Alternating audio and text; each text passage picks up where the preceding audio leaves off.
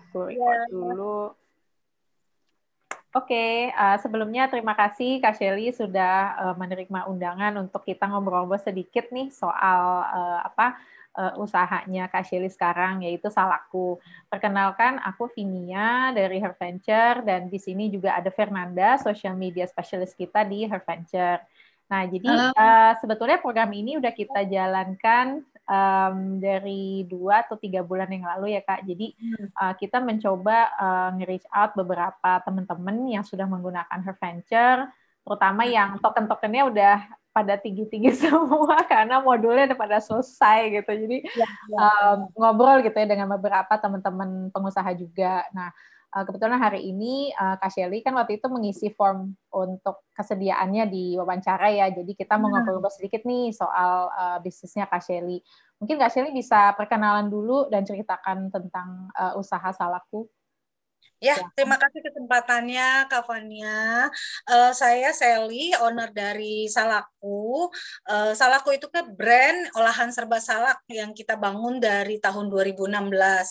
Jadi di Salaku itu kita memproduksi uh, si salak pondoh jadi aneka olahan makanan dan minuman dengan sistem zero waste. Jadi kita mengolahnya itu dari biji, dari kulit sampai ke apa namanya sampai ke dari buah, biji, kulit itu kita olah semua. Jadi nggak ada bagian yang kebuang. Nah kita uh, make tagline-nya cara enak makan salak dengan target pasarnya uh, pasar oleh-oleh gitu.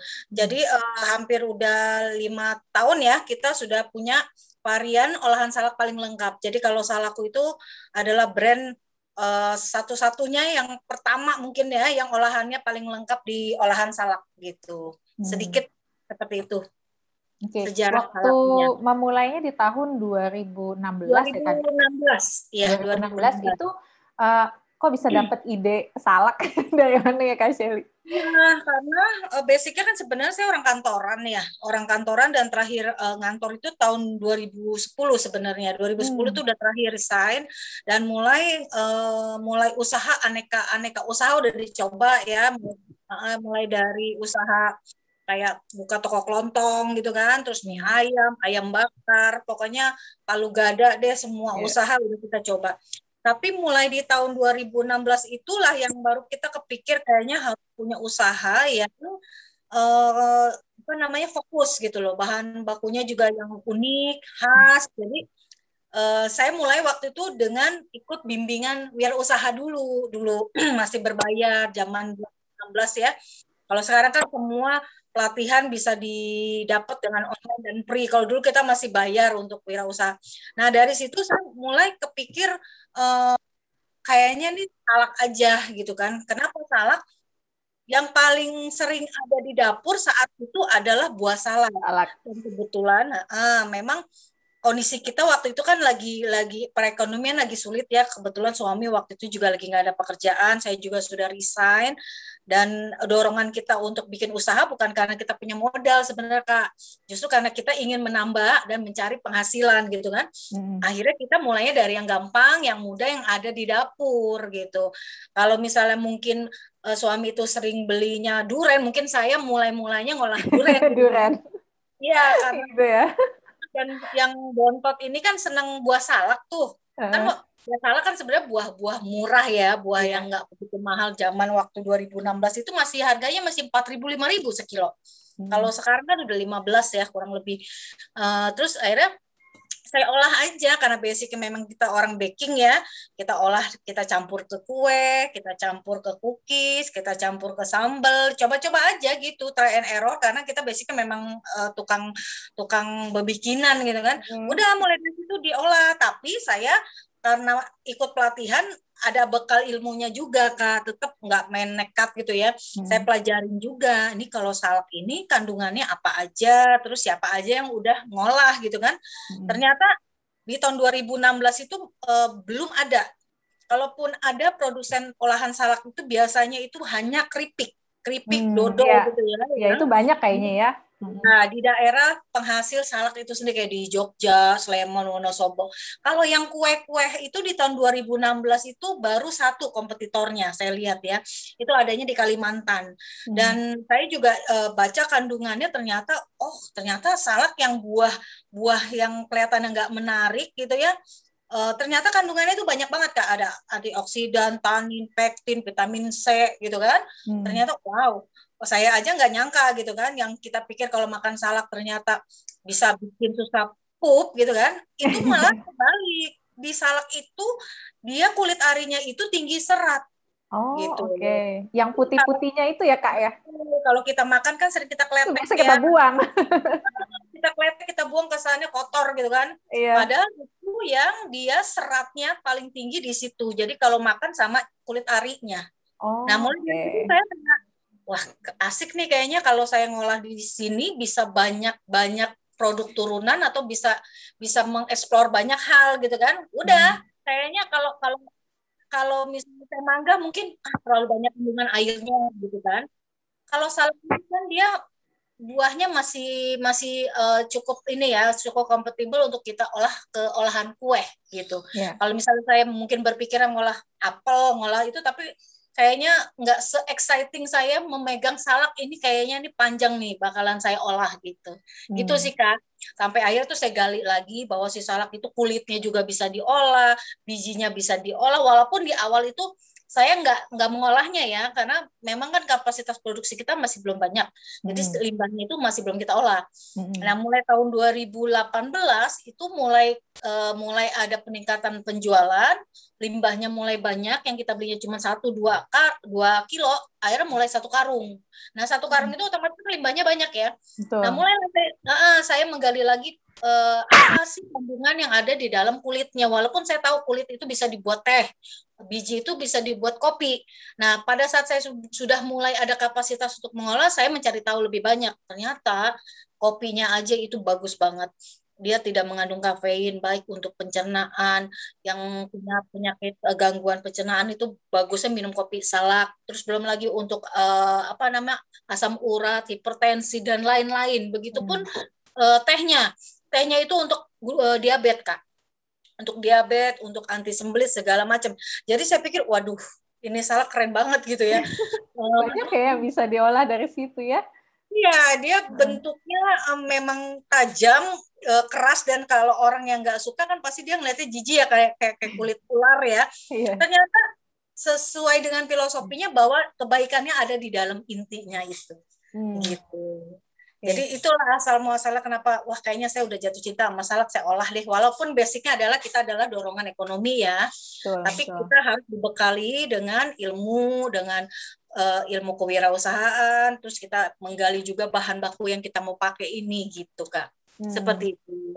Oke okay, oke. Okay. Nah kalau sekarang berarti ada berapa varian kak uh, salakku? Varian itu udah sampai sepuluhan, sepuluh sampai ya. Dan, tapi yang best sellernya sih nggak semua ya, karena sebenarnya kita juga sudah bisa mengolah sampai ke selai, cuman kan uh, penjualan selai itu nggak begitu bagus ya selai. Mm-hmm. Yang masih muter itu ya masih di kue-kuehan. Kue itu kan oh, kan bisa okay, kue ya. brownies, bolu, cookies, pie itu kan udah empat macam ya. Terus kita yeah. juga ngolahnya di cemilan, kayak kerupuk kerupuk nah. itu kita kerupuk itu diolah dari tepung tapioka. Jadi bukan digoreng pakai mesin. Itu kan keripik ya. Kalau yang hmm. banyak dijual oleh teman-teman itu kan keripik salak. Buahnya itu digoreng dalam suhu tinggi gitu kan. Hmm. kalau saya diolah dengan tapioka. Terus kita juga punya sambel. Sambel hmm. sambel ebi salak. Kita juga punya jusnya. Jus uh, salak. Terus punya uh, tehnya, teh serbuk dan kopi serbuk kita buat lagi minuman yang ready to drinknya mm-hmm. gitu. Sepertinya okay. puluhan deh. Gitu. Pemasarannya gitu. lewat apa aja Kak Shelly selama ini? Kalau ya, kalau sebelum pandemi kita memang sudah jualan uh, lewat outlet kita ya sama reseller gitu. Otomatis juga ada apa namanya kayak Tokopedia, Bibli gitu hmm. udah udah udah dari awal udah main di situ di marketplace. Okay. Cuman pas pandemi ini malah lebih banyak di marketplace sekarang karena kan kita kan udah nggak ada uh, apa namanya keterbat ini kan ya tidak boleh orang datang ke, ke tempat gitu jadi sekarang lebih banyaknya online sih 70% hmm. kalau dulu kan 70% kita offline sekarang 70% online. Hmm, outletnya sendiri ada berapa kak? Ini di Bogor semua kak atau ada yang di Jakarta? Di Bekasi. Oh di Bekasi, sorry ya di Bekasi ya. Baru satu kita bangun di tahun 2018 itu pun karena uh, saya mendapat hadiah uh, atas kompetisi yang kita ikutin waktu itu Top Creative Trainer hmm. uh, Nah itu uangnya kita pakai untuk bangun outlet, kita kita beli aset mesin dehidrator yang untuk mengolah si kulit dan uh, biji itu kak. Okay, Jadi kalau okay. satu reseller sih kemarin sih sudah ada sekitar 15 ya di beberapa kota besar. Cuman sekarang udah mulai uh, drop juga ya, udah mulai hmm. menurun karena uh, mereka juga jadi produksi juga kan, mereka punya hmm. usaha juga dan uh, karena penjualannya juga kita udah mulai terbatas, sudah mulai berkurang gitu. Jadi mainnya di, udah di online aja sih. Oke, jadi selama pandemi ini uh, fokusnya lebih banyak di penjualannya di marketplace ya kak ya? Ya, marketplace dan uh, Goresto. Kita ada GrabFood, ada, oh, ada. Okay. dan ShopeeFood juga udah daftar. Oke, gitu. oke. Okay. Kalau dari semua media penjualan yang sekarang uh, marketplace gitu ya atau uh, ojek online itu biasanya yang paling banyak masih dari channel yang mana kak? Uh, kalau marketplace, walaupun hampir semua marketplace saya ada, itu ada satu dua ya yang, yang paling efektif gitu. Paling, kayak si biru gitu hmm. juga lumayan tuh si hijau itu lumayan. Tokopedia, Bibli itu masih pemasukannya masih ada lah penjualannya ya. Okay. Terus sama di ojek online juga sama hmm. uh, ini uh, kayak uh, loyal customer gitu loh. Kayak sekarang nih udah masuk bulan Ramadan, biasanya kan hmm. kan kita panen nih Kak kalau yeah. kayak iya. gini.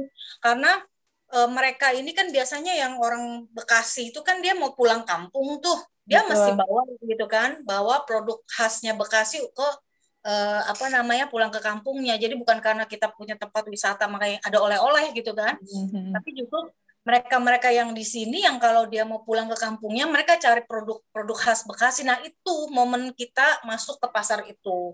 Hmm. Uh, ini juga kita ini juga makanya ini tadi saya habis produksi ada juga yang mau pulang ke Aceh katanya dia pesen gitu kayak gitu aja kayak buat buat uh, oleh-oleh ke kampung gitu. Yeah, yeah. Itu masih ada loyal customer kita yang rip, yang repeat ya, order ya. Yang beli, ya repeat order yang beli langsung gitu uh, via WhatsApp gitu. Kalau kalau dari perubahan omset Kak Shelly eh, dibandingkan tahun sebelum pandemi gitu ya dengan hmm. satu tahun hampir dua tahun ini eh, hmm. itu seberapa besar dropnya Kak Shelly? Besar banget, 60 persenan lah. 60 persen ya? Apalagi saya pasarnya kan pasar oleh-oleh, Kak. Mm-hmm. Jadi bukan makanan umum kayak bakso, mie ayam gitu yang orang kalaupun pandemi mereka akan tetap beli ya. Yeah, yeah. Produk saya ini memang dicarinya pada saat orang mau pergi gitu kan, pergi-pergian. Mm. Kayak misalnya browniesnya kayak gini nih kan. Ini pesanan orang ini kan. Hmm. Nah, kayak gini. Oh, oke. Okay. Uh, mereka saya juga kan, mau coba. Unik soalnya pakai salad. Yeah. Iya, ini kan kita ada bolu, ada ada brownies, ada pie gitu. Jadi uh. ini masih masih hangat baru press from open.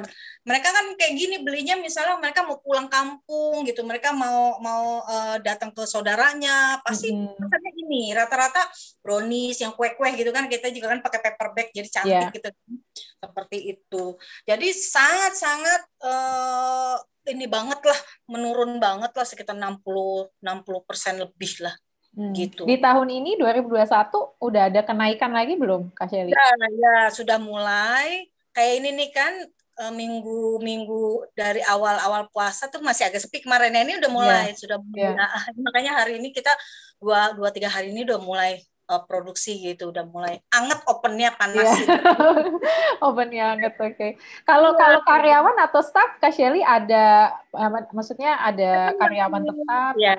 gimana kita sebenarnya masih keluarga ya masih masih dari kayak suami saya kan sudah di rumah anak saya sudah besar yang dulu kerja sekarang sudah di rumah nah, kalau suami itu kan handle oh, kayak legalitas perizinan kayak gitu hmm kalau anak saya yang pertama yang megang media sosial. Oh, oke. Okay. Terus Ya, ada kalau produksi masih saya juga sendiri dan dibantu dua anak saya yang lainnya untuk cleaning area, untuk uh, prepare, masan kayak gitu. Jadi kita timnya berlima.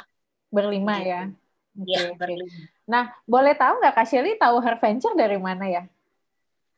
Uh, dari Instagram. Oh, dari Instagram. Oke. Okay. Ya. aktif berarti di Instagram ya Kak Shelly? Ya, ya, betul. Saya kalau eh, Facebook memang kan udah mulai uh, kurang ya informasi yang kayak gitu kan saya udah mulai nggak dapet. Seringnya itu pasti dari Instagram. Hmm. Kalau info kayak gitu saya dari Instagram semua. Oke, okay, gitu. Okay. Nah, so far mungkin uh, kita boleh tanya-tanya sedikit soal penggunaan Venture juga ya, Kak Shelly. Uh, apa sih yang menarik dari Venture kalau menurut Kak Shelly? Pertama tampilannya lucu ya, pink-pink gitu kan. Jadi kalau cewek banget ya. banget simbolnya cewek banget terus uh, memang kita kalau belajar itu kan kalau nulis males ya kalau belajar nulis itu udah itu kalau memang kita lagi ngerasa perlu ini waktunya mau isi otak itu mau nambah vitamin untuk buat belajarnya itu uh, menurut saya sih menarik ya tampilannya gitu.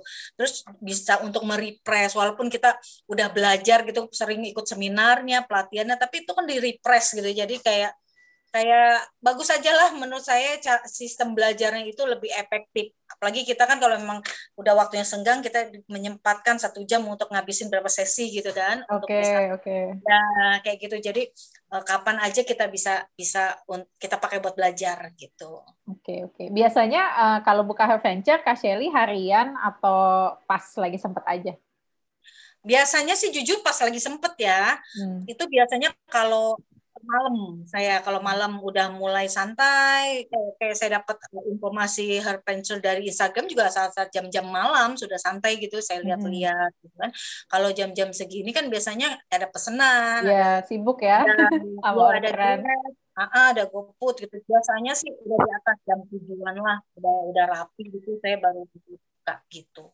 Oke, oke. Kalau dari sisi apa uh, penyelesaian modul, Kak Shelly, tokennya berapa sekarang? Ingat nggak? berapa ya? lupa deh. Lupa kemarin. Lupa kan buka lagi ya. Udah, buka lagi. Udah lagi malas belajar. Iya nggak apa-apa. Tapi mungkin ada ini nggak Kak Shelly ada masukan nggak untuk uh, apa ya supaya kita juga bisa mengembangkan adventure uh, app ini lebih baik lagi? Kemarin di awal-awal kita masih agak bingung ngelihat hasilnya sih hmm. uh, gimana sih nih uh, hasil belajar tokennya gitu kan ngelihatnya gitu kan tapi pas udah uh, beberapa kali ternyata baru keluar tuh ya hmm. pencapaiannya yang di awal-awal nih persen saya udah ikut sampai berapa level kok nggak nggak keluar keluar gitu apa apa kayaknya kayak diulang lagi gitu kan kayak diulang oh. lagi kan gitu ya. Diulang lagi diulang lagi. Dan gitu paling kata-katanya aja mungkin lebih lebih mungkin maksudnya niat niatnya dijabarkan supaya lebih paham ya. Hmm. tapi kata-katanya menurut saya sih masih agak kepanjangan gitu uraian hmm. mungkin lebih lebih singkat-singkat aja jadi bacanya nggak kelamaan gitu yeah. kan ya oke okay. siap kalau yang udah umur males baca gitu kan masih kepanjangan ya satu modul satu modulnya ya nah, untuk narasinya mungkin agak lebih di ini aja dipadetin gitu oke okay, aja okay. lebihnya uh, udah asik di untuk buat belajar gitu Oke, selain modul untuk pembelajaran, Kak Shelly tahu nggak kalau di Venture juga kita bisa uh, berjejaring gitu dengan sesama pengusaha wanita? Belum. Di aplikasinya, belum tahu ya, belum pernah pakai fitur itu ya? Iya. Oke. Itu baru jadi, apa dari awal?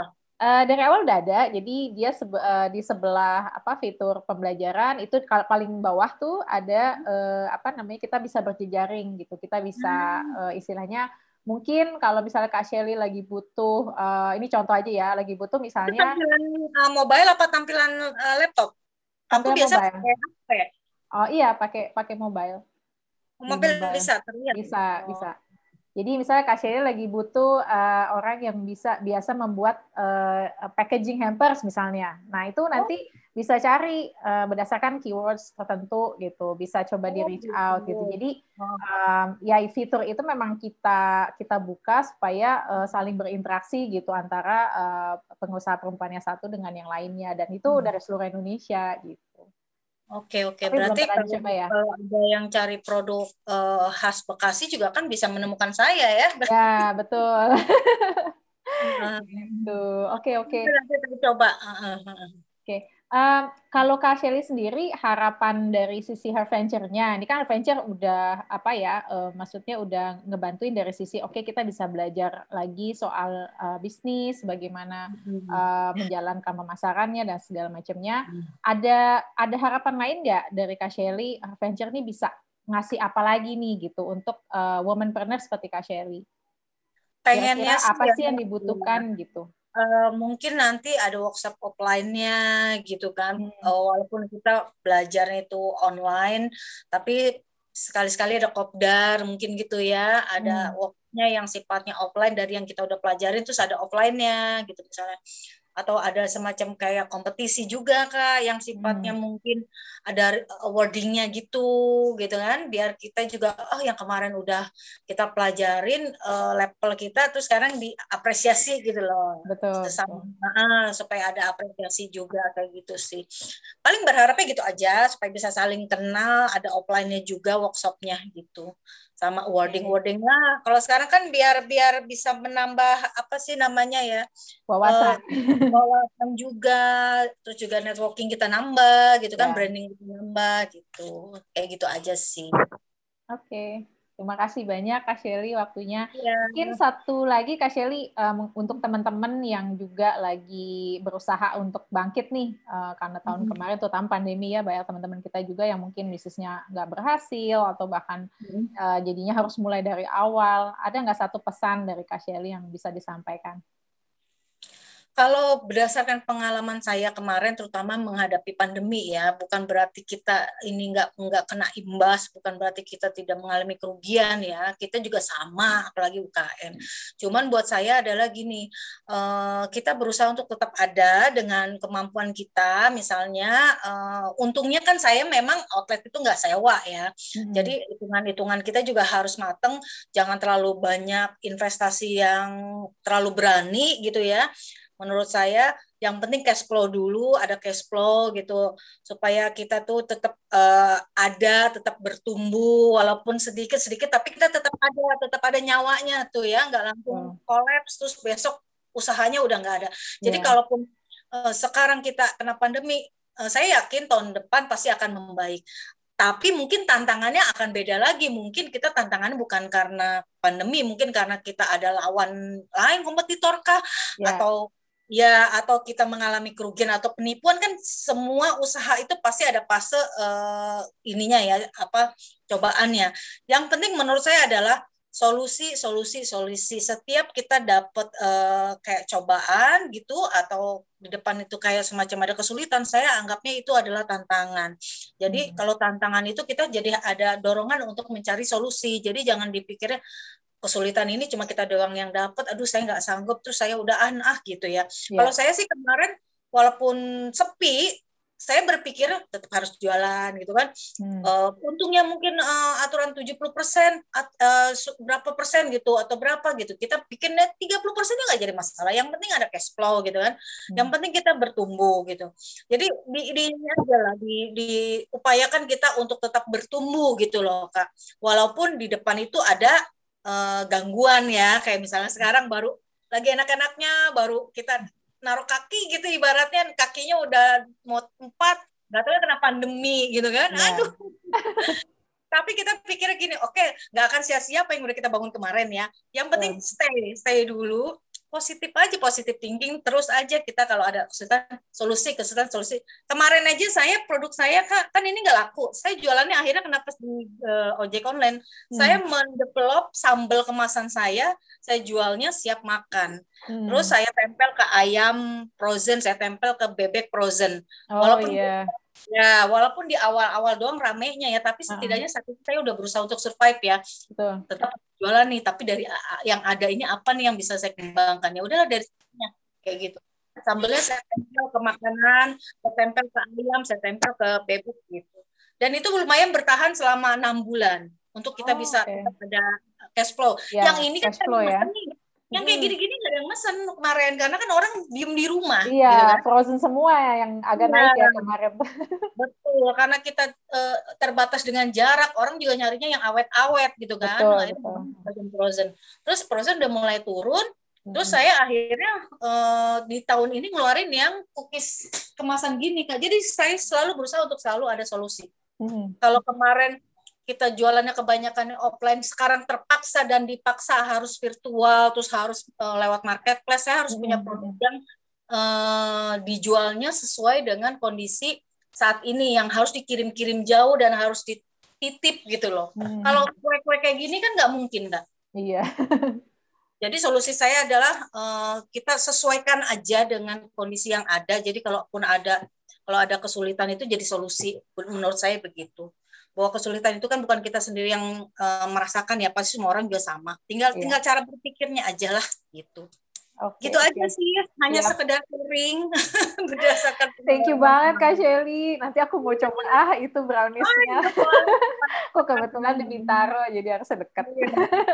Kemarin okay. SD loh pakai oh, iya. pakai help help Gojek help. Itu dia lebih murah tarifnya dibandingkan oh, Grab. baru ya. Grab. Okay. Ya, itu ada. Kita juga harus apa sih namanya update ya. ya. Jadi kalau misalnya kayak gitu kan pengiriman juga pengaruh juga kepada keputusan kita karena kita tahu di sini ada pilihan yang ekonomis kita kayak misalnya kak mau mau kirim ke BSD dari Bekasi kan mahal ya ya ada loh kiriman yang ini lebih ekonomis harganya cuma segini loh saya pakai ini kemarin kayak gitulah. Yeah. Jadi jangan uh, jangan pusing. Jadi harus cari info gitu loh. Walaupun betul, walaupun kondisi kayak gini pasti ada solusinya. Gitu. Iya. Oke, terima kasih banyak Kak Shelly uh, atas sharing-sharingnya. Nanti mungkin aku akan uh, WhatsApp lanjutan, mau minta mungkin tiga foto aja Kak Shelly, satu fotonya Kak Shelly sendiri, kemudian yang kedua dan ketiga mungkin bisa foto outlet atau foto apa namanya uh, produknya kayak gitu. Dan hmm. nanti kita share di Instagram. Sebelum di post nanti akan kita kirim juga ke Kak Shelly dulu supaya Kak Shelly bisa baca kontennya kayak apa kayak gitu. Oke. Okay. Ya. Makasih banyak Kak Shelly. Thank you. Ya, terima kasih banyak. Selalu ya. Ya. Bye.